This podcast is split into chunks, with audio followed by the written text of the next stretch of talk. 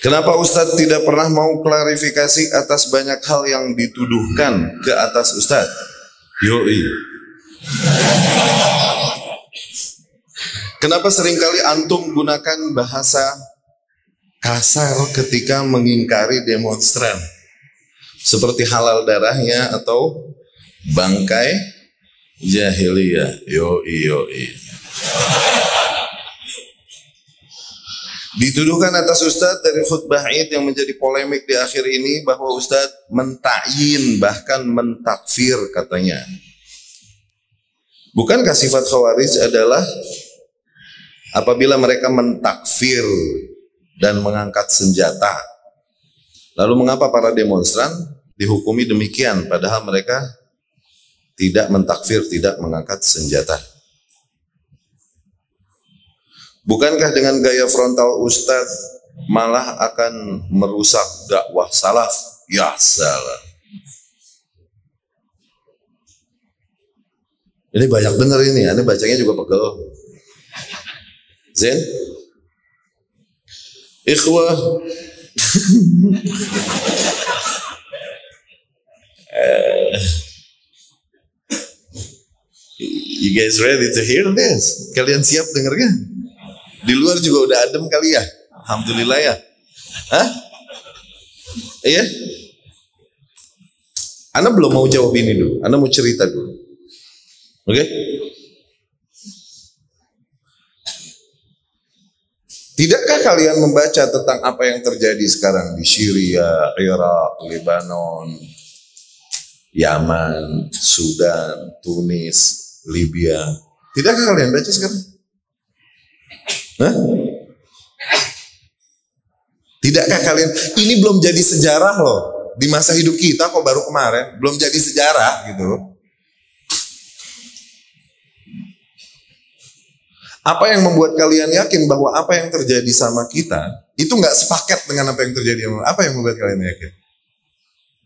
Bahwa yang terjadi sama kita itu beda dengan yang terjadi sama apa yang bikin kalian yakin apa? Hah? Kalau syubhat dan lain-lain ini bisa kita berbantah-bantahan sampai maghrib, sampai ketemu subuh, sampai lohor lagi besok bisa aja ya. Iya kan? Cuman kita mau baca apa yang terjadi, akhirnya apa yang terjadi. Nih, yang wakil, real. Hmm? Jadi abis ngehajar Irak, waktu itu Bush banyak ditekan. Oke? Mana katanya Irak bikin senjata pemusnah massa bio, biological mass killer itu weapon. Senjata biologi pemusnah massa. Mana buktinya? Katanya Saddam bikin. Mana nggak ada buktinya sampai sekarang nggak ada. Yang terbukti sekarang apa? Selang-selang mereka yang nancap ke sono. Tekanan ini dari masyarakatnya, dari internasional ini itu bikin ribet mereka nih. Akhirnya mereka merubah uslub, berubah gaya. Gaya penjajahan mereka nggak kayak dulu lagi dengan menggerakkan pasukan yang banyak masuk ke negeri-negeri itu enggak. 2006 Condoleezza Rice di Tel Aviv itu udah mengungkapkan kasih spoiler planning US ini kepada negeri-negeri kaum muslimin terutama Timur Tengah. Dia bilang Asyarq al-Awsat al-Jadid, New Middle East. Okay? Hillary Clinton juga sempat menyebutkan tentang gaya-gaya rencana mereka dengan al-fawda al-khallaqah atau al-fawda al-banna'ah, creative chaos. Jadi sesuatu yang tertata, oke? Okay? Cuman nggak memberikan keuntungan, tapi tertata, oke? Okay? Diberantakin dulu supaya apa? Disusun lagi dari awal, cuman menguntungkan. Creative chaos. Pernah dengar tentang hal itu? Ala kulli mereka mulai menjalankan itu dan menghantam negeri-negeri kaum mus Kenapa Islam yang diserang ya akhi? tanah-tanah yang paling kaya sumber daya alam adalah tanah kaum muslimin. Akal yang paling cerdas ada pada akalnya para kaum muslimin. Kalau ada potensi untuk menguasai alam semesta, maka harusnya muslim yang paling layak. Jumlah paling banyak, oke, okay? dan perkembangan jumlah anak di dalam di muka bumi paling banyak di kaum muslimin. Akhlak, manner yang paling mulia adalah mannernya para kaum muslimin. Usul dan mabadi, idealisme-idealisme yang paling mulia dan benar adalah mabadi kaum muslimin. Kalau ada umat yang punya potensi untuk berkuasa di muka bumi, maka muslim. Jumlah para pemuda di kaum muslimin ini bisa 70% lebih. Sisanya baru syiban orang-orang tua. Di kafir kebalikannya. 60% lebih justru orang tua pada mereka. Pemudanya sedikit. Kita ummah fatihah, kita para umat yang memunculkan banyak pemuda. Muslim terus yang ditekan dan ini perang sunnatullah dari zaman ke zaman yang terus berlan berlanjut harus ada emang. Mereka melakukan they do their part. Mereka melakukan bagiannya di muka bumi. Apakah kita lakukan bagian kita dengan baik?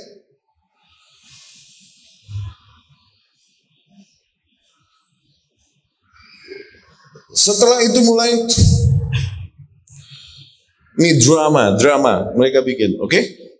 Israel bergerak ngehantam Lebanon 2006-2007. Ingat? Ingat gak? Bah, yang bergerak siapa? Lebanon waktu itu dikuasai oleh para pemerintah dan rakyat yang Sunni gimana pun. Iya ada Syiah tapi sangat minoritas. Cuman di situ ada ormas yang punya kekuatan senjata dekat situ namanya Hizbullah. Oke? Okay? Hezbollah bergerak ngehantem tank-tank Israel duang, duang, dan terjadi perang di Lebanon berhasil diusirlah Israel dari Lebanon oke okay?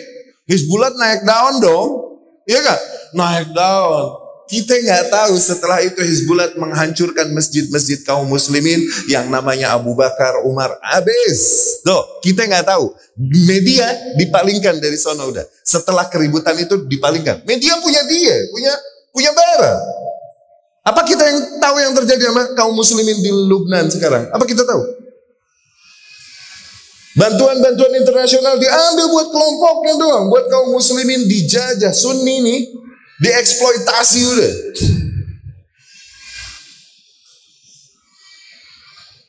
Anak-anak kecilnya di labor, cewek-ceweknya di sexually exploited. No.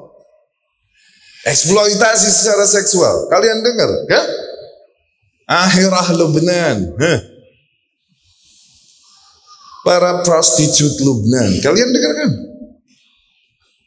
Sunni. Apa yang terjadi di sana sekarang? Dipalingkan semua media dari sana biar dunia nggak tahu. Apa yang terjadi di Irak sekarang setelah dihantam? Dipalingkan semua media di sana biar nggak dibahas, biar aman. Bisa nangkep itu kan? Kaum muslimin masya malah muji-muji oh, Hizbullah, Hizbullah, Hizbullah. Dia nggak tahu nih Hizbullah ngantumin sunni.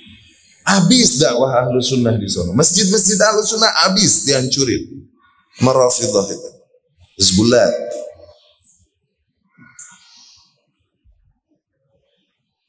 Kemudian mulai juga bergerak lagi di 2010-an 2011. Dan terus bergulir. Pertama Tunus, oke? Okay? Ini sandiwara jadi kayak tadi di Lebanon, mungkin gak sih ormas kecil ngehantem tentara dari salah satu negara dengan persenjataan paling komplit Israel? Mungkin gak sih ormas bisa ngehantem ini gini sih? Ke mana?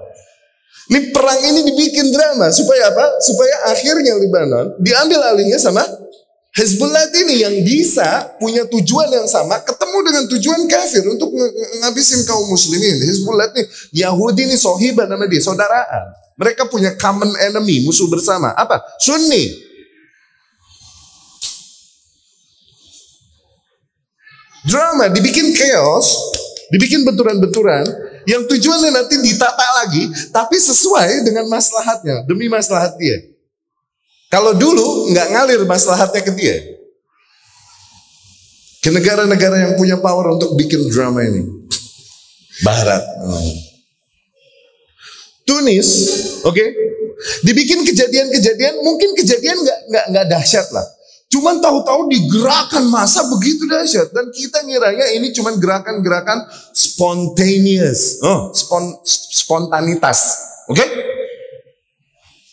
Padahal nggak ada spontanitas, nggak ada coincidence, semua ini well designed. Ini udah didesain sangat rapi. Tukang buah apa tukang sayur diatur sama polisi di Tunis. Nggak terima diatur ngelawan ini tuh ditabok sama polisi. Marah ngamuk-ngamuk zalim zalim ini itu dia bakar diri. Cus, bum. Begitu. Tahu-tahu diangkat ini semua di Facebook dan Instagram tuh itu itu peranan terbesar untuk makan. Tahu-tahu bergerak semua demo mendemo penguasa yang ada di tuh Mis penguasa zalim tuntut keadilan, tuntut keadilan tuh. Semua syiarnya menuntut keadilan, menuntut didirikannya hukum Allah. Semua syiarnya begitu. Bergerak tahu-tahu dan tahu-tahu mereka bergerak tahu-tahu punya senjata. Dari mana? Akhirnya Zainal Abidin bin Ali, presiden terus kan. Cabut deh, mesti lari menyelamatkan diri dengan keluarganya. Habis Tunus Libya. Setelah kasus Tunus ini dan kemudian banyak chaos-chaos yang terjadi, mulai sering didengungkan di media-media sosial, terutama Facebook. Tentang gerakan-gerakan masyarakat menjatuhkan penguasa zalim dalam rangka menuntut syariat Allah. Tuh, tahu-tahu terjadi dua demo di dua kota besar Libya. Waktu itu di daerah Baida sama daerah Benghazi. Benghazi. Pernah dengar kasus Benghazi? Hah? Mana dengar? Yang akhirnya ada operatif CIA sono ke Lu bacanya Wira Sableng sih lo. Gak ngerti apa-apa aja udah lo. Ala kuliah, tahu-tahu bergerak demo besar di dua kota ini. Gaddafi militer langsung nurunin para pasukan untuk meredam demo demo ini. Tahu-tahu ketika pasukan datang, demonstran punya senjata. Dari mana? Serakyat-rakyatnya negara Arab itu tahu pegang senjata, wajib militer. Semua negara yang tetangga nama Israel ini wajib militer bro. Jadi rakyat juga tahu AK-47 pretel ini. Tahu mereka. Kang Sayur tahu.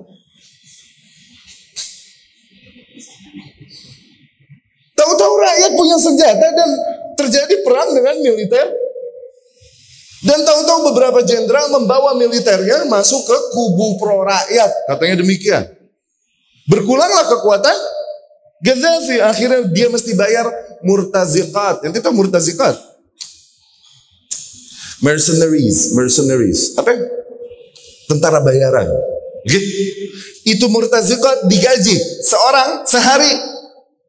5,000 bucks bro. Boceng dolar ya, bukan hmm, lima ribu dolar sehari. Untuk ngatasin pemberontakan ini, cuman ternyata pemberontakan nambah merata. Kota-kota lain ikut. Dan akhirnya kata dijatuhkanlah Gaddafi. Tuh, hancur berantakan sekarang. Akhirnya kemudian mereka mulai berebutan kuasa dong. Siapa yang berkuasa? Akhirnya rakyat sama rakyat kawan. Ada pro rakyat didukung sama pemerintah Mesir dan pemerintah Saudi. Ada satu lagi yang Ikhwani yang dukung siapa? Ketebak nggak? Turki sama Qatar. Tuh, bam.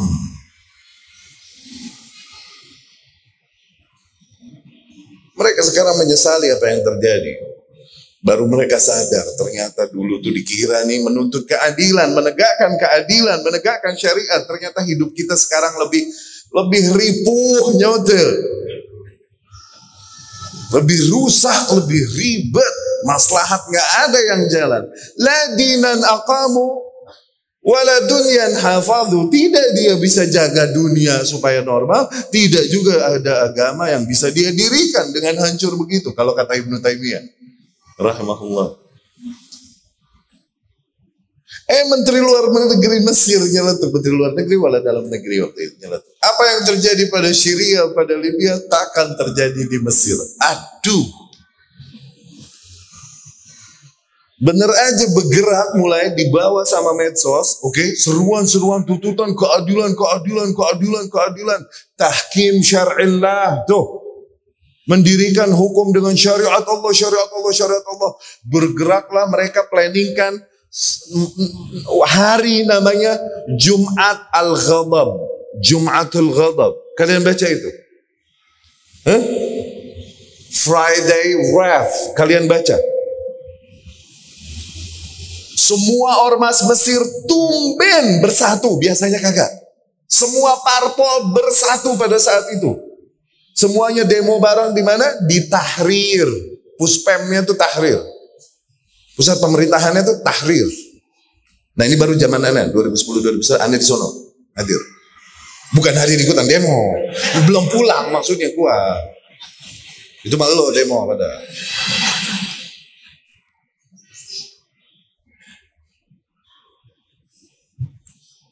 Akhirnya penguasa mulai menekan mengontrol sebisa mungkin Husni Mubarak mencoba mengontrol keadaan sebisa mungkin kan supaya reda lagi. Pada saat itu dimatiin lah wasilah-wasilah kayak telepon, handphone dan lain-lain. Tapi mulai penjarahan merata terjadi kayak 97 98 di kita.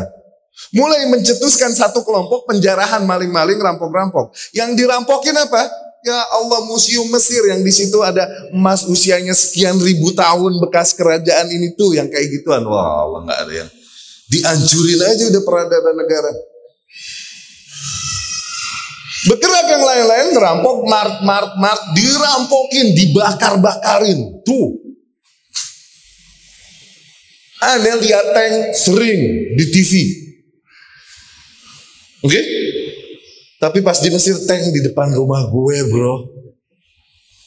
Huh, kalau udah jam 4 asar nggak boleh keluar rumah sampai jam 7. Tuh berlaku jam malam namanya. Kita makan ransum dikirimin sama pemerintah Indonesia. Itu ransum, kaleng ransum buat militer. Ah, kita makan gituan. Bagus kalau punya Indomie di rumah. Indomie ada di Mesir, Arab yang ngirim Saudi dari Saudi. Nggak boleh keluar udah. Jam malam berlaku. Husni Mubarak sebisa mungkin mengontrol nih, mengontrol keadaan, tapi nggak bisa. Semuanya bersatu, ikhwanu musliminnya, kemudian partai fulan, partai fulan, ormas fulan, ormas fulan. Yang katanya salafi gabung di situ no. Salafi katanya ya, salafi al-maz'um. Zin, salafi katanya.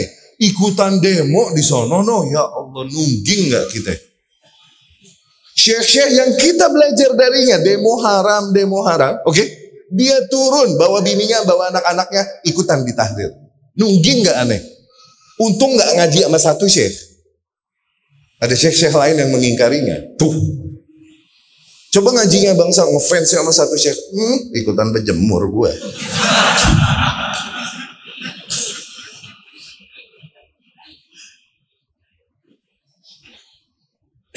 Semuanya gabung di situ udah, nggak ada bedanya satu sama lain udah. Tahu-tahu rakyat pada punya senjata lagi tuh. Lihat nah, ini ada ada ada ada pattern yang sama di setiap negara. Loh, kok tahu-tahu ada permasalahan kecil sepele, kok tahu-tahu gede gitu. Dan tahu-tahu ketika bergerak ada punya senjata. Ini dari mana? Dari mana? Dari mana tuh? Terus ini pattern ini sama. Nggak ada spontanitas, nggak ada. Ini semua well well well designed, well planned, didesain dengan baik, direncanakan dengan baik. Ada tangan-tangan nggak kelihatan, dan ada pemain, tokoh-tokoh, yang bahkan negara nggak bisa nangkep dia. Ada. Bergerak dengan nama Islam, nama Islam, nama Islam. Kalau bukan karena takut fitnah, Anda sebut namanya. Di sana di Mesir.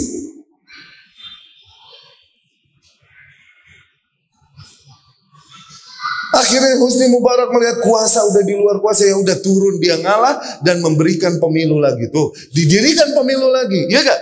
Yang salaf demo tadi nambah gila lagi. Udah bukan boleh nyolok tuh, udah bukan boleh demo akhirnya lebih jauh lagi bikin parpol salafi namanya An-Nur. Pernah dengar? Tuh gilanya nggak nanggung. Udah bedanya apa sama Ikhwan? Udah kalau begitu sisanya apa dong beda lo sama Ikhwan? No, An-Nur. Syekh Said Ruslan dan lain-lain yang bersih bertahan di atas salaf terus mengingkari mereka dengan semua teror yang terjadi padanya.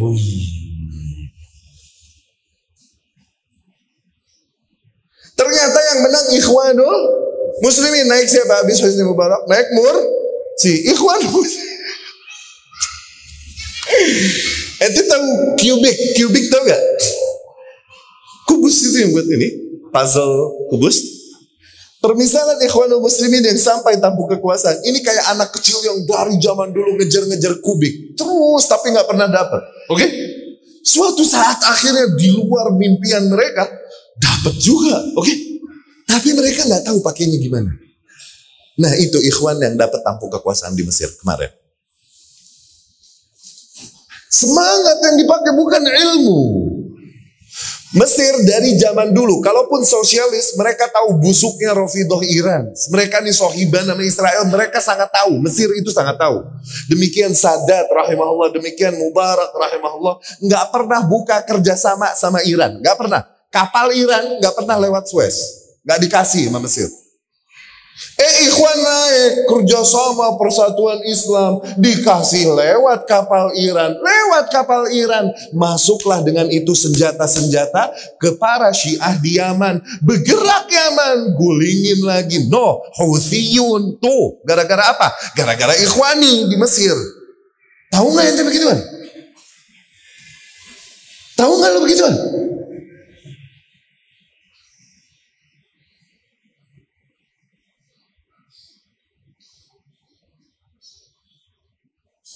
Dan makin berantakan, berantakan negara dengan kebijakan-kebijakan ikhwan yang ngaco nih. Akhirnya militer ambil alih lagi sama sisi itu. Naiklah sisi, baru stabil lagi. Ini negara emang nggak bisa dipimpin, kecuali sama militer. Berantakan kalau nggak. Sisi naik, baru stabil lagi sekarang. Iya gak?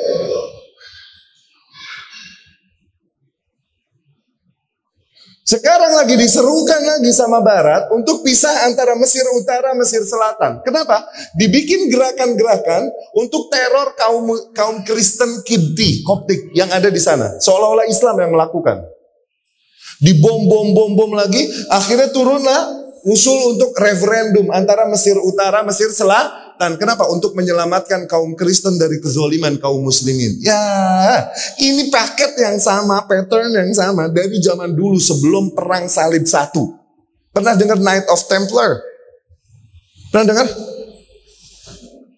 Pasukan-pasukan yang seolah-olah membawa misi Christianity dan gereja. Padahal fulus, totally fulus. Pernah dengar? Mereka bergerak dulu, mereka bergerak, oke? Okay? Kemudian mulai melakukan gerakan-gerakan untuk me me melepaskan Masjidil Aqsa Palestina dari kuasa kaum muslimin dengan hujah katanya supaya menyelamatkan kaum Nasrani dari kezoliman kaum muslimin. Padahal yang bikin kezoliman drama mereka sendiri. No. Kaum muslimin menjaganya sejak zaman Umar bin Khattab ditaklukkan di Yarmu. Waktu perang Yar, Yarmu kan gitu kan? Dan kayak dikuasai lagi masuk Abu Ubaidah ibn Jarrah dan lain-lain. Pernah baca gituan?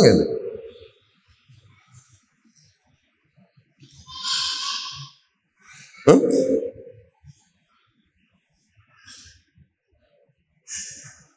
Syria juga begitu. Digerakkan masa. Diangkat isu apa? Syiah Rafidahnya Bashar. Eh? Iya benar, Syiah Rafidah. Oke. Okay. Ya, diangkat lagi isu kriminalisasi sunnah. No. Terus diangkat sama Facebook dan lain-lain. Akhirnya mereka pun mulai bergerak dengan nama jihad, jihad, jihad. Ingat Syria? Oke? Okay? Akhirnya mereka bergerak untuk menjatuhkan bah Bashar. Waktu itu ada ulama yang sangat dihormati, cuman Asy'ariyah, oke? Okay? Asy'ariyah. Namanya Syekh Ramadan Al-Buti rahimahullah. Akidahnya Asy'ari. Oke? Okay? Rahimahullah. Tapi usul fikih luar biasa jago, faham. Waktu itu dia menahan, jangan gerak kembali ketaatan kepada penguasa. Kenapa? Gerakan demikian tidak membawa maslahat yang ada madarat dan kerusakan pada negeri kaum muslimin. Tuh, dia bisa nangkep ini ulama besar Asy'ari dunia di antara Ramadan itu. Ini yang gerak-gerak kemarin katanya Asy'ari kan? Ulama ini siapa? Gue pengen tahu. Terus tahu-tahu Syekh Ramadan Al-Buti yang menahan. Dan jangan. Bashar kafir, eh, sebagian mengkafirkan Rafidah. Oke? Okay? Bashar kafir Rafidah. Oke, okay. tapi apakah dia menekan dakwah sunnah? Buktinya nih dia masih bisa berjalan dakwah. Dakwah salaf juga dulu berjalan di Syria. Stabil. Oke? Okay? Tahu-tahu Syekh Ramadan Al-Buti lagi di meja begini nih. Ada vas di depan meledak. Buang! Abis meledak Syekh Ramadan Al-Buti naik, benerin pecinya, seseorang datang nembak palanya dia. Bang! Lihat videonya. Maktal Syekh Ramadan Al-Buti. Lihat di Youtube.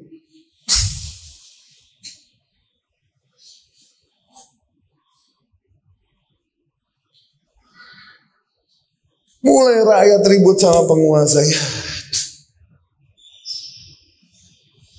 Di situ makar masuk, drama-drama masuk lagi, boneka-boneka masuk. Masuk bonekanya barat. Jadi tempat pertarungan klasik zaman dulu. Blok timur sama blok barat. Masuk bonekanya barat. Oke, okay. siapa? ISIS. ISIS emang punya siapa yang kira? Abu Bakar al-Baghdadi ini siapa emang? Mossad bro, katanya most wanted man, katanya most wanted man. Tapi senator Amerika John Kane dengan mudah ketemuan sama Abu Bakar al-Baghdadi ngobrol-ngobrol ngopi. Masuknya lewat mana? Lewat Turki. No, ke Syria. Katanya most wanted man, tapi kok majelas? Nongkrong sama senator US, John Kane. Fotonya kesebar ke mana-mana.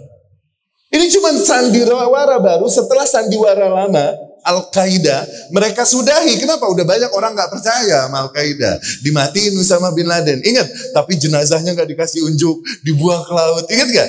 Drama kemal. Masa kita mau beli itu? Masa kebeli sama begituan? Hah? Dibikin drama baru. Apa? Icis.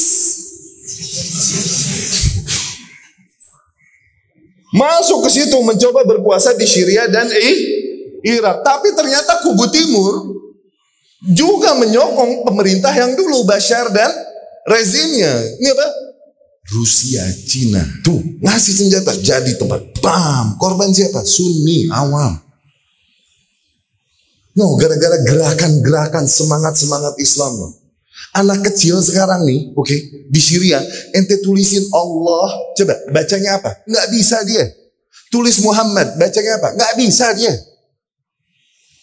Tahfadzul Fatihah, apakah kau hafal Al-Fatihah? Uh, Malik Yawmiddin? Ah iya Malik Yawmiddin. Hafal. Hai, tayyib coba. Bismillahirrahmanirrahim. Malik Yawmiddin. Anak Arab. No, begitu. Para wanita-wanitanya dirampas dan diseksuali dijual secara seksual jadi budak-budak seks dan kemudian anak-anak kecilnya di labor, tau nggak? Dikerja paksa, kerja keras.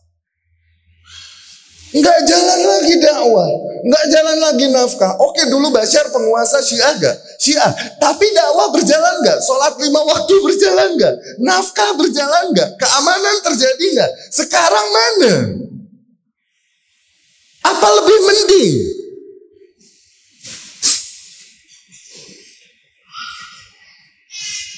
Kalian kira dengan gerakan-gerakan semangat bela Islam, dengan itu kalian membela Islam? Salah. Kalian masuk ke umpannya kafir itu untuk menghancurkan negeri-negeri kaum muslimin. Aneh gimana mau jelasin kaifa ufahimu? How do I make you understand this? Aneh gimana cara membuat kalian paham ini gimana?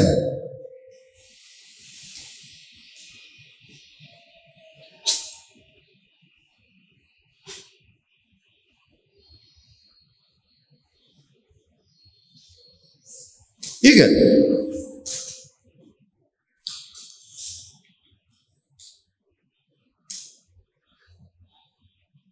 Pernah dengar fourth generation of war? Perang generasi keempat. Jadi, tidak lagi perang dengan senjata dan invasi masuk ke persenjataan dan lain-lain itu enggak. Oke? Tapi perang dengan cara apa? Taruh boneka-boneka entah tokoh, entah ormas yang bergerak dengan nama Islam, nanti mereka membawa masyarakat untuk bergerak. Begitu cari. Sebenarnya dengan adu domba, gaya lama. Dengan adu domba. Kalau yang diadu domba antara kabilah dengan kabilah, kerusakan kurang merata. Agama dengan agama, Kerusakan kurang merata, kurang.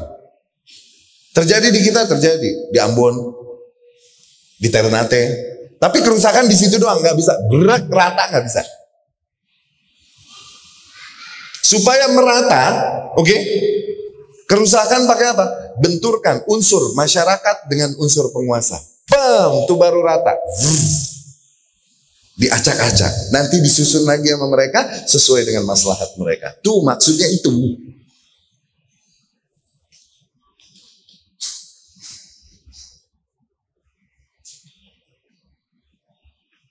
Ini gaya perang generasi keempat fourth generation of war. Dirangsang masyarakat untuk benci kepada penguasa dan bergerak menjatuhkan, membenturkan dirinya dengan penguasa, dengan puasa. Kita ini dengan semangat kita, akhirnya justru menghemat peluru-peluru kafir atas kita.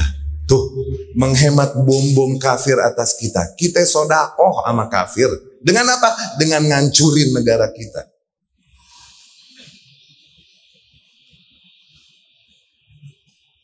Sekarang mau Syria, mau Irak, mau Libya, masuk selang-selang mereka, sedot minyaknya. Nggak mesti lagi bayar negara kayak dulu kerja sama negara kan mahal kan.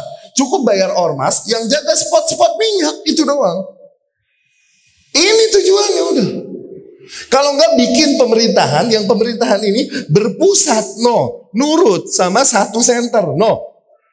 Kayak yang terjadi dengan Afghanistan, tuh.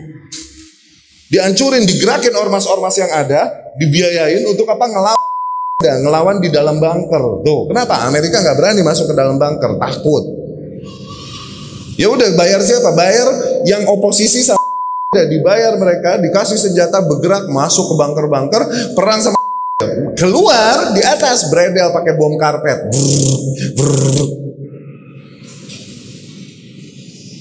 Begitu. Oke, hancur kan? Iya, taruh boneka. Siapa? Karzai.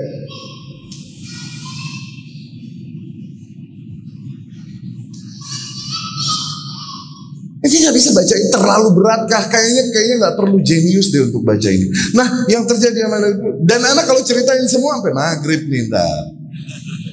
Yang terjadi sama negara kita, ente pikir nggak sepaket? Kita dengan semangat-semangat bela Islam dan lain-lain, justru kita masuk perangkap mereka ya akhi. Kalau tiap syubhat, bisa kita berbantah-bantahan nggak? Bisa aja, cuman lihat aja negeri yang udah melakukan hal yang sama duluan. Sekarang nambah beher, oke, okay, nambah fine, atau nambah ancur, lihat. Media kenapa nggak banyak nambah? Media punya mereka, dipalingkan dari mereka. Kita nggak tahu lagi kabar kaum muslimin di sana sekarang.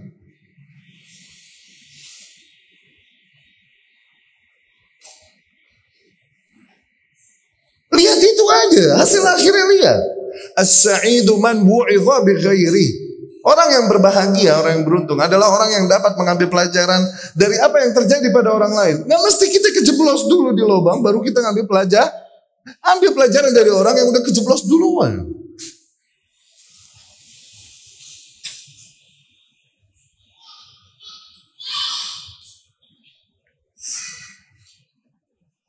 Dan jangan kira apa yang terjadi di Tunis ini semua dikarenakan seorang tukang sayur apa tukang buah yang membakar dirinya. Bukan, ini tunggangan doang. Kasus ini tunggangan, ada tangan besar di belakangnya.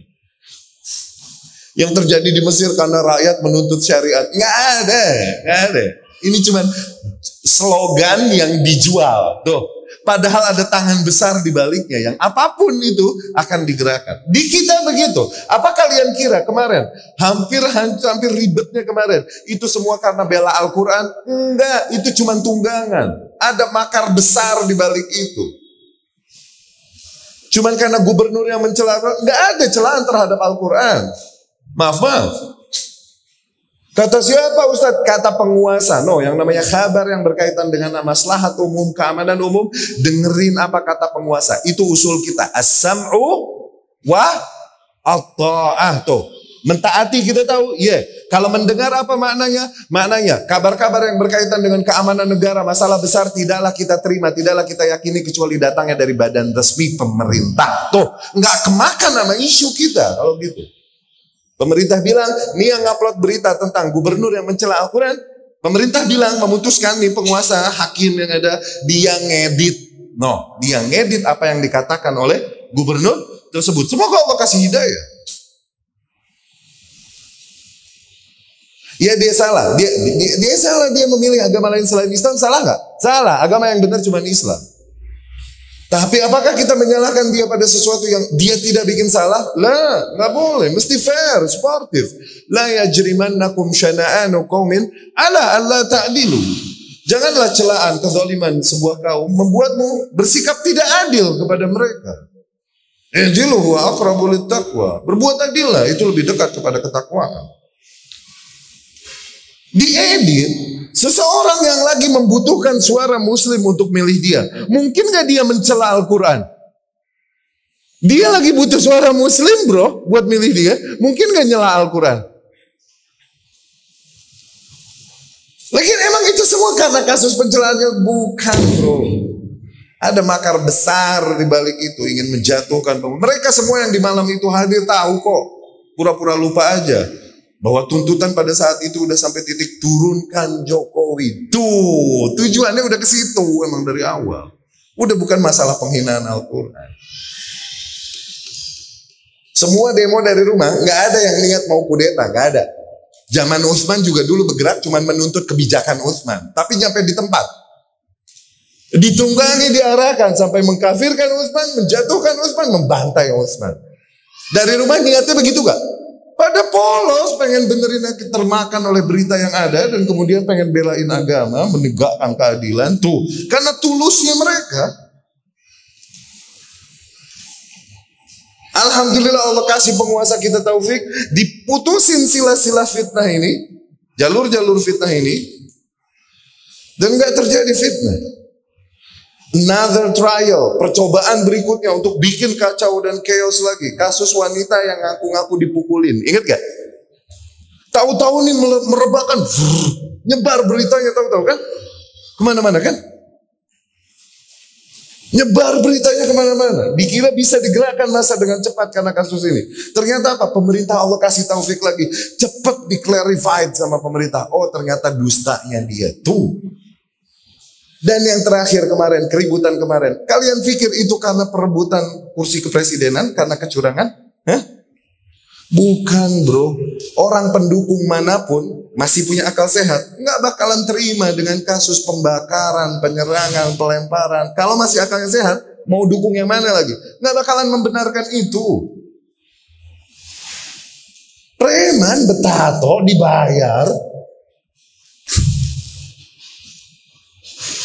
Kenapa jadi pura-pura buta?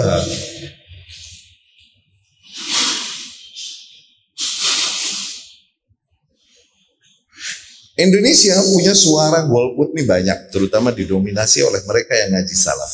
Oke? Di 2000 nggak tahu, Anda pulang 2011 pas fitnah Mesir itu Anda dievakuasi pulang.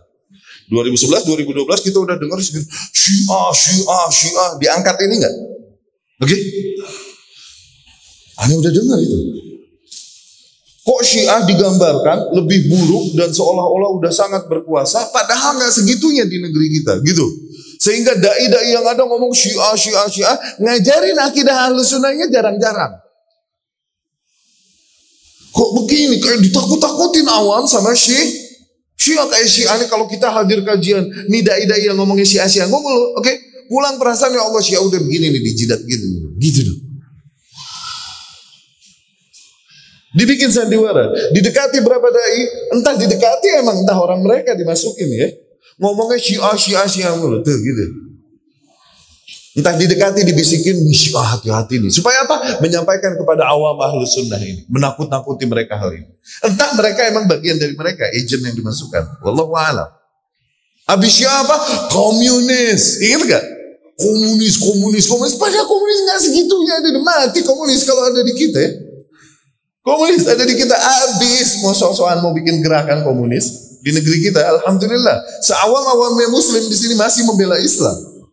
Ngedenger komunis cuman komunis kayaknya udah punya kuasa luar biasa. Hmm. Syiah juga udah sampai kementerian-kementerian atau pejabat-pejabat tertentu. Begitu kan?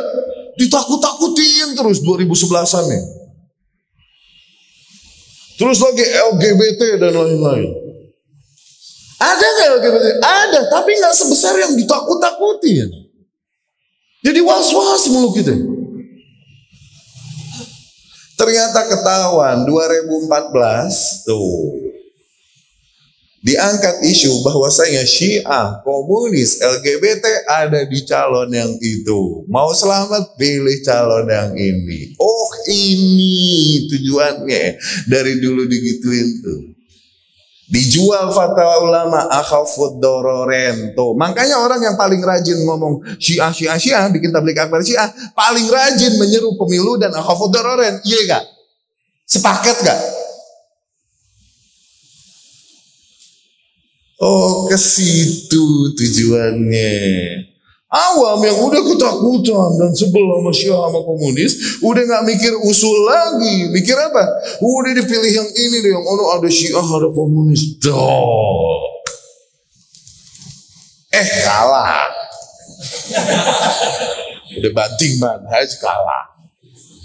Ini jangan dikira anak milih satunya, enggak demi Allah. Tangan anak nggak pernah kena tinta kufur pemilu.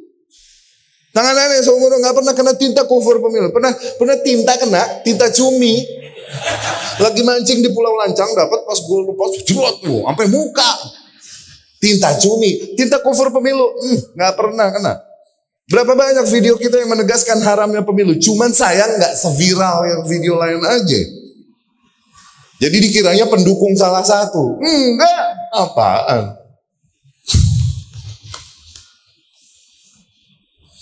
2014 kalah, oh kurang nih, kurang meyakinkan nih untuk nakut-nakutin salafi. Bikin lajnah fatwa, no. Namanya, sifatnya aja ya, nggak usah namanya ya. Sifatnya al-ifsad. Pakai fa sama sin, al-ifsad. Kerusakan di muka bumi. Fatwa pertama apa? Pemilu. Jago, jago. Muncul dai-dainya udah nggak malu lagi akhirnya. Tadinya cuma bilang akhafudororen boleh nusuk. Terus lama-lama apa? Kampanye hadir. Terus foto dengan kode-kode jari dan lain-lain ini itu. Udah sampai titik.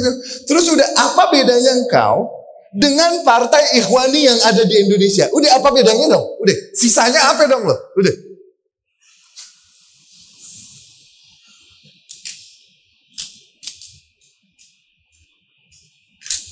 diketuai oleh Abul Fitan, bapaknya fitnah. Namanya siapa? Musyarifin. Aneh nggak tahu. Musyarifin.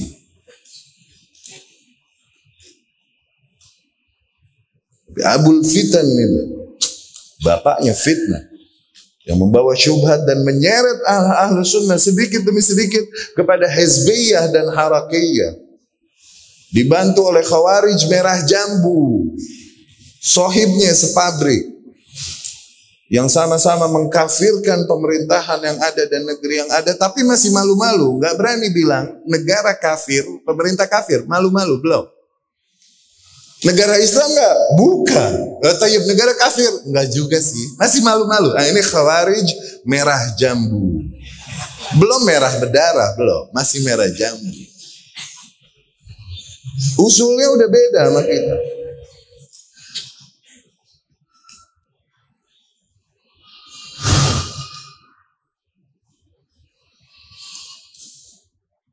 Udah pakai fatwa masih kalah juga. Kesel kan? Kesel lihat khutbah kita, nambah kesel. Habis gue. Royok.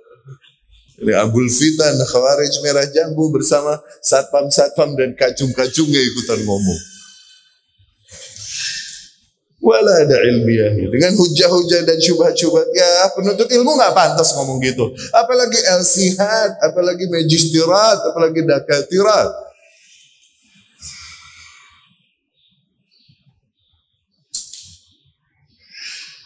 Mereka bikin pernyataan dan lain-lain. Nah, tuh. Anda kasih gambaran singkat tentang makar yang terjadi pada negeri-negeri kaum muslimin. Dibawa, disemangatin, dimanipulasi kaum muslimin. Dibuat mereka bergerak seolah-olah mereka berkorban dan membela membela dan berkorban demi agama mereka. Padahal hasil akhirnya lihat, lihat apa yang terjadi. Lihat apa yang terjadi di negeri kaum muslimin sekarang. Sama kata, kayak kata Ibnu Taimiyah rahimahullah, la dinan aqamu wa la dunyan hafazu. Enggak ada agama yang mereka dirikan, enggak ada dunia yang mereka jaga juga akhirnya dengan gerakan-gerakan demikian. Kayaknya nggak perlu jenius untuk bisa baca ini ya. Dan di kita ada orang-orang sama seperti di Mesir, di Libya. Orang-orang yang udah jelas semua kasus makarnya, udah jelas. Semua kasus makarnya udah jelas. Tapi negara nggak bisa nangkep dia. Ada di kita.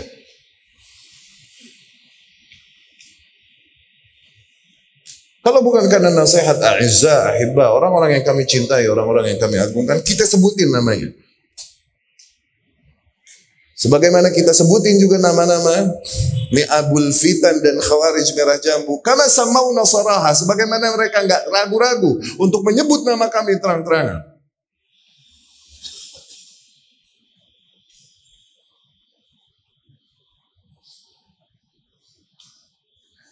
Baru solusi. Ikhwan, oh, kalian pikir Allah nggak kasih solusi? Allah kasih solusi dengan berpegang teguh sama usul kita. Sedahsyat apa pun makar kafir, nggak bisa mereka ngabisin kita. Wa tasbiru wa tattaqu la yadurrukum kaiduhum syai'an kata Allah. Apabila kalian bersabar tuh, sabar pegang ini, gigit tuh gigi keras. Dan terus bertakwa kepada Allah. Emang ikhlas cari petunjuk di jalan Allah. Maka kaid, yakni tipu daya makar mereka sebesar apa pun nggak bakalan berefek bagi kalian, nggak bakalan kena. Tuh, berarti di usul kita kan, kencengin ini.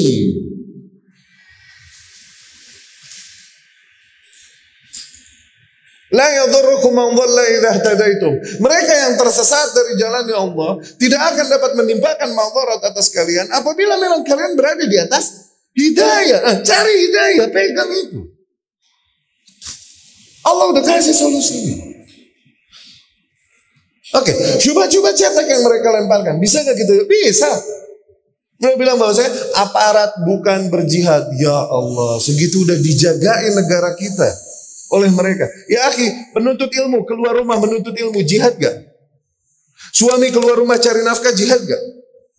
Istri masak di rumah ngelayanin suami, ngedidik anak, jihad gak? Ngelahirin jihad gak? Kenapa aparat yang menjalankan tanggung jawabnya bukan jihad? Kenapa? Jihadnya? Iya tapi kan tergantung niatnya ini itu. Itu urusan dia sama Allah. Apa urusannya? Kita ngasih hukum mujmal. Eh nggak boleh bilang haji wajib. Kenapa? Karena sebagian manusia kan nggak mampu jadi nggak wajib. Lah bagaimana loh? Haji wajib bilangin. Kondisi masing-masing urusan dia dengan Allah. Mau dia ikhlas, mau enggak dan lain-lain. Kalau aparatnya kafir gimana? Berarti dia berjihad juga dong ini tuh. Siapa yang lagi ngomongin kafir Allah? Masa gituan kudu dibahas sih? Ini gue lagi khutbah apa lagi ngasih kuliah? Terus yang ngomong awam yang kagak masuk madrasah ibtidaiyah oke okay lah. Doktor bro. Kok bisa somplak?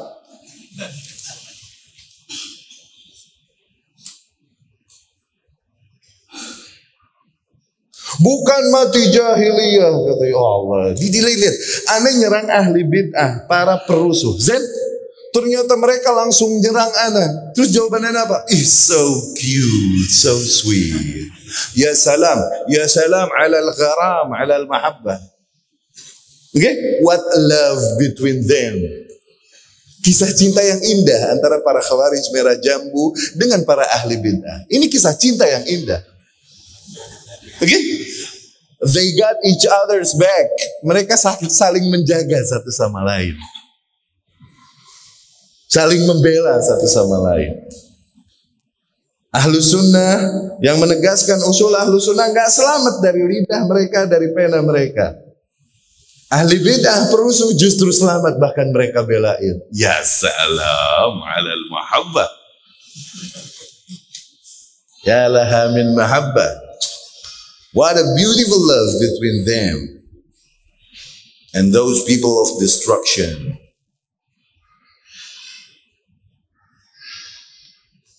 Rasul Wasallam mengatakan, barang siapa yang mati di dalam keadaan membangkang kepada penguasa, harus nggak anda sebutin sanatnya? Ini orang pada pinter bisa nyari bro, nggak usah disebutin sanatnya.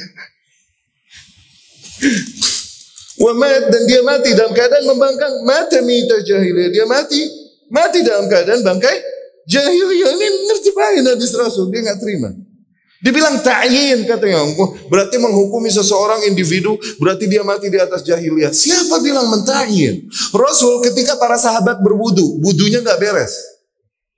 Tumit nggak kena. Oke? Okay? Rasul langsung berkata, Wailul lil nar. Celakalah bagi tumit-tumit itu dari api neraka. Tuh, apakah Rasul mentakyin bahwa mereka nih masuk neraka? Di saat itu loh Rasul ngomongnya. Imam Ahmad bilang man qala bi al Quran makhluk fahuwa kafir. Barang siapa yang berkata bahwa Al-Quran makhluk, maka dia kafir. Tuh, penguasanya berkata Al-Quran makhluk, memaksakan Al-Quran makhluk pada masa itu. Apakah maknanya Imam Ahmad mengkafirkannya? Mentayin atau hukum mujmal? Hukum mujmal. Kenapa jadi baper loh? Segitunya belain ahli bid'ah, sayang gila sama ahli bid'ah, cinta sama ahli bid'ah.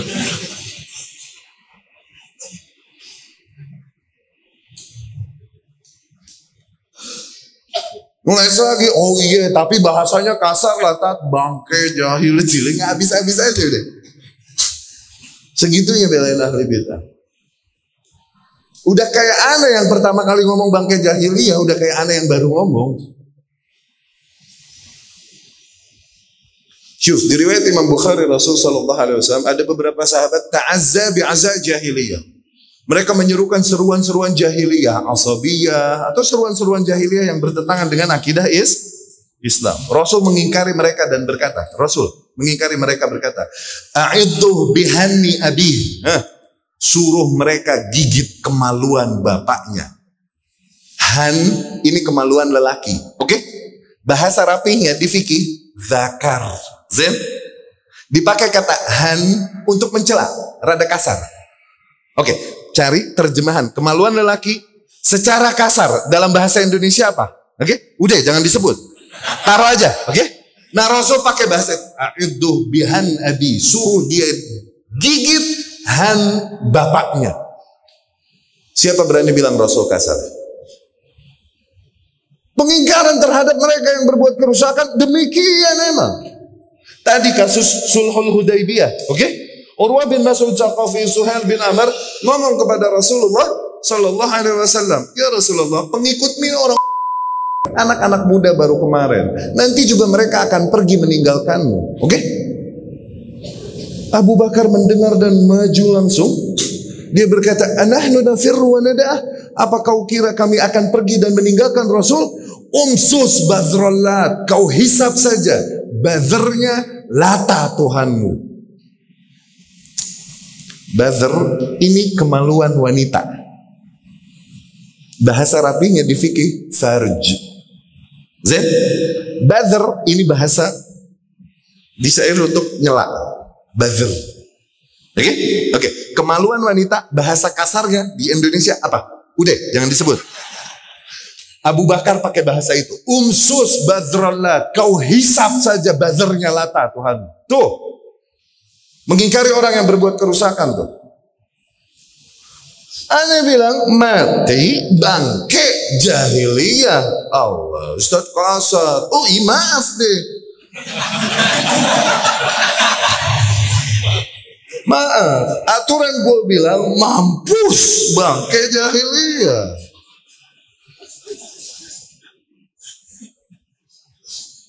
Dia berlepas diri salaf. Salafnya siapa? Anda pengen tanya salaf dia siapa? Abdullah bin Sabah salaf dia. Harkus. Al-Ashtar An-Nakhai salaf dia. Yang berontak kepada penguasa muslim. Ujung-ujungnya ke sono itu. Kenapa Anda nggak klarifikasi? Udah bukan klarifikasi dari fitnah 2016 yang menimpa Anda. Awalnya Anda masih husnuzon kepada mereka. Anda kira kita masih di atas usul yang sama. Anda minta maaf. Anda clarify. Minta maaf atas diksi. Tuh, bukan hakikat perkataan. Ya, sampai saat tertentu pemerintah boleh mematikan gerakan-gerakan yang membuat rusak keamanan boleh, boleh. Kalaupun sampai menumpahkan darah, sampai menumpahkan darah.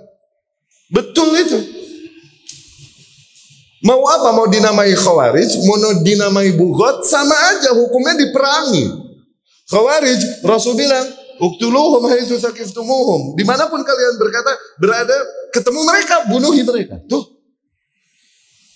Lain adraktuhum, kalau aku yang menemui mereka, la uqatilannahum qatla ad. Aku akan perangi mereka dengan perangnya kaum ad. Tuh. Khawarij. Bagi para pembunuh yang membunuh mereka memiliki pahala yang agung di sisi Allah Subhanahu wa taala. Semulia-mulianya korban yang terbunuh oleh Khawarij. Tuh. Kullama kharaja qarnun kuti' kullama kharaja qarnun kuti' tuh kalau Khawarij diperangi enggak berarti? Tapi kan yang namanya nyela penguasa demo nggak mesti khawarij. Oh Allah segitunya masih dia belain. Turunin. Syekh Salih Fauzan bilang, apakah muzaharat termasuk madhab khawarij? Syekh Salih Fauzan, iya muzaharat termasuk madhab khawarij. Turunin, katakan bukan khawarij, katakan bugat. Bugat perintahnya di syariat diapain? Allah berfirman, "Waqatilul lati tabghi hatta tafiya ila amrillah." Perangilah mereka yang bugat sehingga mereka kembali kepada perintah Allah. Tuh, perangi kan? Gue pengen tanya, perangi ini dikelitikin, dicubit, apa ditumpahin darahnya? Gue pengen tanya. Diperangi diapain? Segitunya lo belain ahli bidah. Diperangi diapain? Coba anda pengen tanya.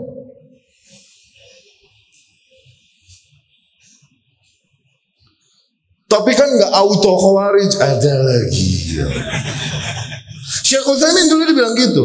Aja dan lucu mereka nih yang berkata bahwasanya khawarij nih kalau mengangkat senjata. Syekh Utsaimin bilang lucu mereka nih. Padahal dulu Zul Khuwaisirah baru mendatangi Rasul dan mengkritisi Rasul kan.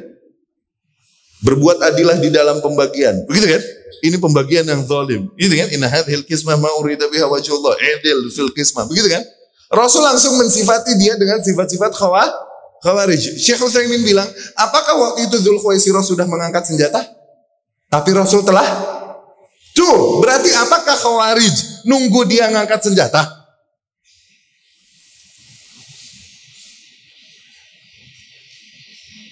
Khawarij bisa dengan lisan, bisa dengan tangan, bisa dengan senjata. Demikian bukhot, bisa dengan lisan, bisa dengan tangan, bisa dengan senjata. Masing-masing punya hukum beda di syariat, masing-masing beda. Tapi cara pemerintah menyikapinya sama, sama diperangi. Tuh. Nah kita tarhib, dakwah, takut-takutin, sampaikan ancaman syariat, nggak usah ditafsir, kasih hukum mujmal aja. Demikian kan? Dan seburuk-buruknya khawarij justru khawarij dengan lidah. Dengan pena yang merangsang kebencian masyarakat kepada para penguasa. penguasa. Nah Abul Fitan itu kerjaannya memang. Di media sosial yang begitu rajin mencela penguasa, meloroti umat. Lihat, ada salaf mencela penguasa begini. Abul Fitan. Dan ke mana tuh teman-teman ya? Gak ada yang mengingkarinya. Demikian hizbiyah. Ketika kawan yang melakukan kesesatan luar biasa, mereka akan hujani dengan seribu uzur. Itu hizbiyah. Wala dan bara kepada sahibnya. Entah sama-sama organisasi al-ifsad. Entah sepabrik, sekampus bareng, alma mater bareng. Tuh. Tapi kalau orang yang mengatakan sesuatu yang gak sesuai hawa nafsu dia, rame-rame nyerang. Banci.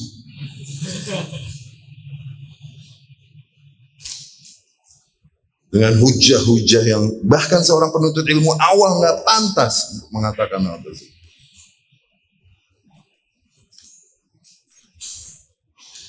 Kalau kita mau bantahin satu persatu, coba bisa gak? Bisa gak?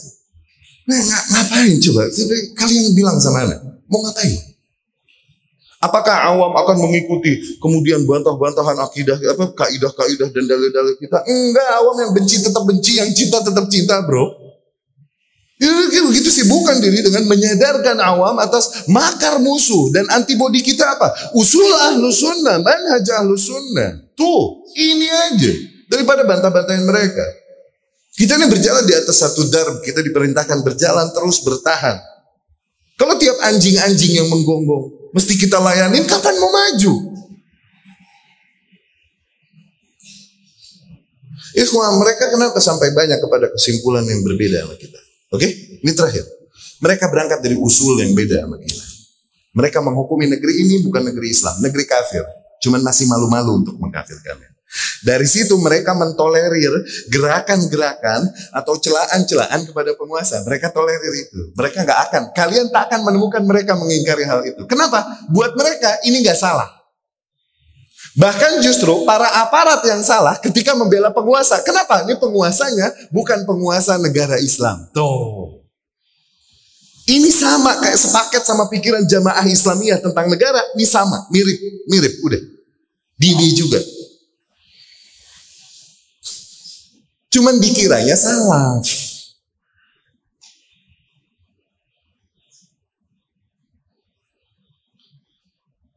Bahkan dari sisi fikih jauh berbeda konsepnya sama kita. Khawarij nih Syekh Sulaiman Ar-Ruhaili sering cerita. Padahal mereka ini sering undang Syekh Sulaiman. Ya. Cuma nggak bersisa.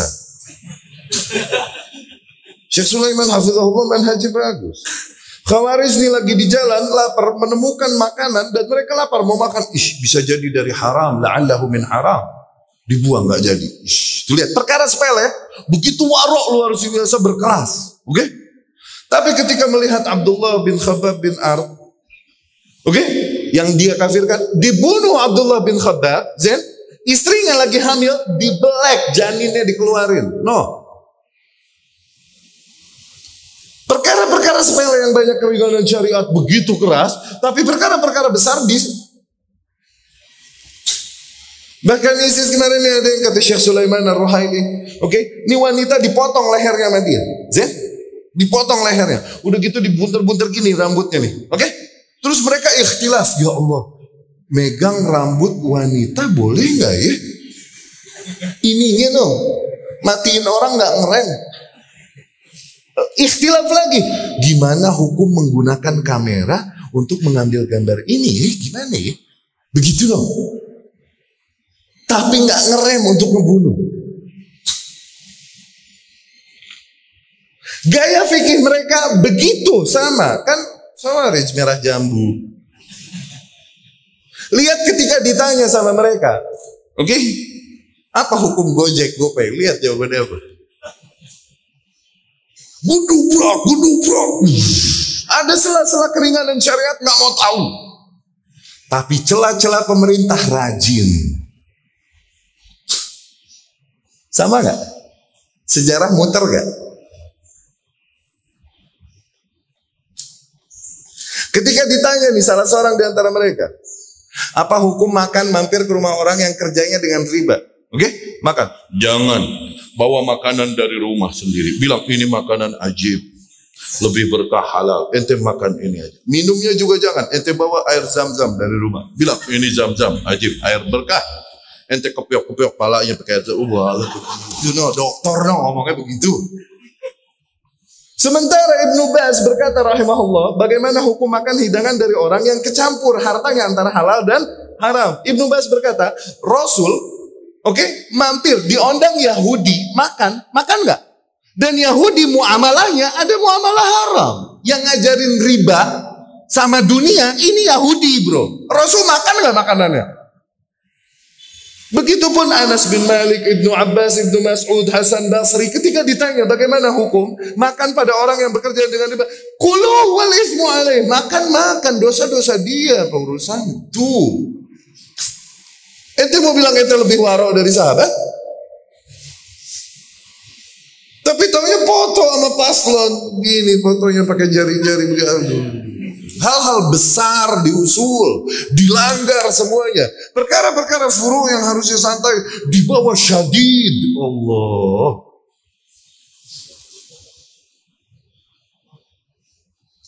Ikhwan, Hudzaifah bin Yaman radhiyallahu anhu bilang, "Satakun fitan akan kelak terjadi banyak fitnah. Ta'aruj fiha. Akal sehat para manusia hilang, muap pada saat itu. Mal khamru sirfan bi adhabi uqulir rijal minal fitan. Pada saat itu, khamr, minuman keras, tidaklah lebih efektif menghilangkan akal sehat daripada fitnah-fitnah yang terjadi. Bahkan orang-orang utama, fudola yang kita cintai, kita husnuzon, kejeblos di situ.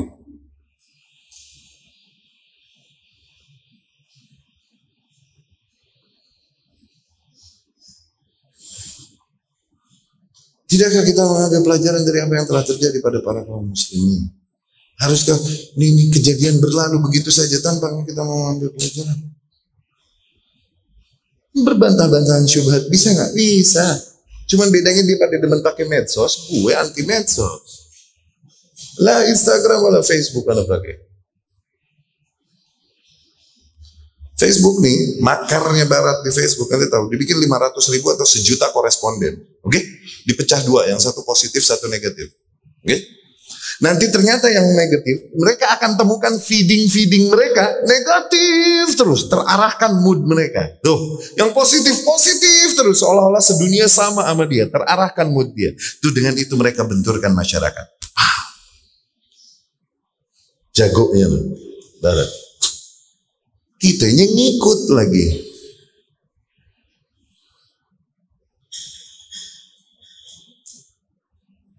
Alhamdulillah, fitnah ini rahmat. Rahmat, rahmat. Allah bukakan bagi kita siapa yang pada dasarnya berada di atas jalur yang hak ini. Siapa yang zohirnya seolah-olah berada di atas hak ini, namun hatinya bersama para hizbiyah, harakiyah, yang madhab mereka adalah madhab khawarij, bagiyah. Kelihatan semuanya. Semoga dapat difahami apa yang kami sampaikan. Kami mohon maaf, nggak mesti kami jawab semua syubhat-syubhat yang ada. Wallah buang-buang waktu, ngapain? They don't deserve our time, our attention. Mereka nggak pantas untuk mendapatkan waktu dan perhatian kita. Kita punya hal yang lebih priority yang harus kita kerjakan sebagai tugas kita di lapangan ini. Sisanya nggak bisa bantah dengan ilmiah masuk ke ranah ranah-ranah pribadi, perkara-perkara yang entah Perkara yang telah kita tinggalkan dan kita bertaubat darinya. Apa urusannya dengan akidah dan mana? Atau perkara-perkara yang khilafiyah atau ulama juga tidak berbeda pendapat dalam berbeda pendapat dalam hal ini atau hal-hal yang sifatnya fitnah total atas kita tuh masuk ranah itu semuanya terlihat siapa yang dizolimi di atas hak justru dengan demikian kami semakin yakin bahwa kami di atas hak Ketika kau memiliki pilihan bersama pengkhianat yang merusak keamanan negara membuat kerusuhan atau bersama kesatuan negara dan pemimpin yang ada pilih bersama kesatuan negara dan pemimpin yang ada. Jangan sok-sokan di tengah. Nah, ini syubhat lagi. Syubhat kacung-kacung yang Khawarij merah jambu dan Abul Fitan ini. Dibilang salafi harusnya di tengah. Jangan membela ini, jangan membela itu. Seolah-olah gitu. Di tengah ya akhi wasat ahlu sunnah. Itu di antara dua kebatilan. Adapun antara hak dan kebatilan, maka barisan yang kau pilih adalah hak. Dan di dalam masa fitnah, Huzaifah ibn Yaman mengajarkan dari Rasul Sallallahu Alaihi Wasallam di dalam masa fitnah, barisan mana yang harus kau lakukan? Ilzam jamaatal muslimin wa imamahum. Bertahanlah bersama negeri kesatuan kaum muslimin dan imam yang ada pada mereka. Itu yang harus dilakukan dan itu tengahnya al sunnah. Bukan seperti mereka kepada para demonstran diam, kepada para penguasa melemparkan kritikan-kritikan-kritikan. Menyeru dengan fatwa-fatwa, ayo pilih, ayo pilih yang lain. Seolah-olah pengen gulingin yang ini. Jangan kira kita dukung ini, dukung. La, la, la, bersihan. Anda mendukung siapa pun yang berada di tampuk kekuasaan. Anda jaga negara kesatuan. Demi Allah, apakah kebencian kita kepada penguasa yang ada? Oke? Okay? Apakah hancur dan berantakannya kesatuan dan keamanan negeri ini adalah harga yang cukup untuk membayar kebencian kita kepada penguasa yang ada?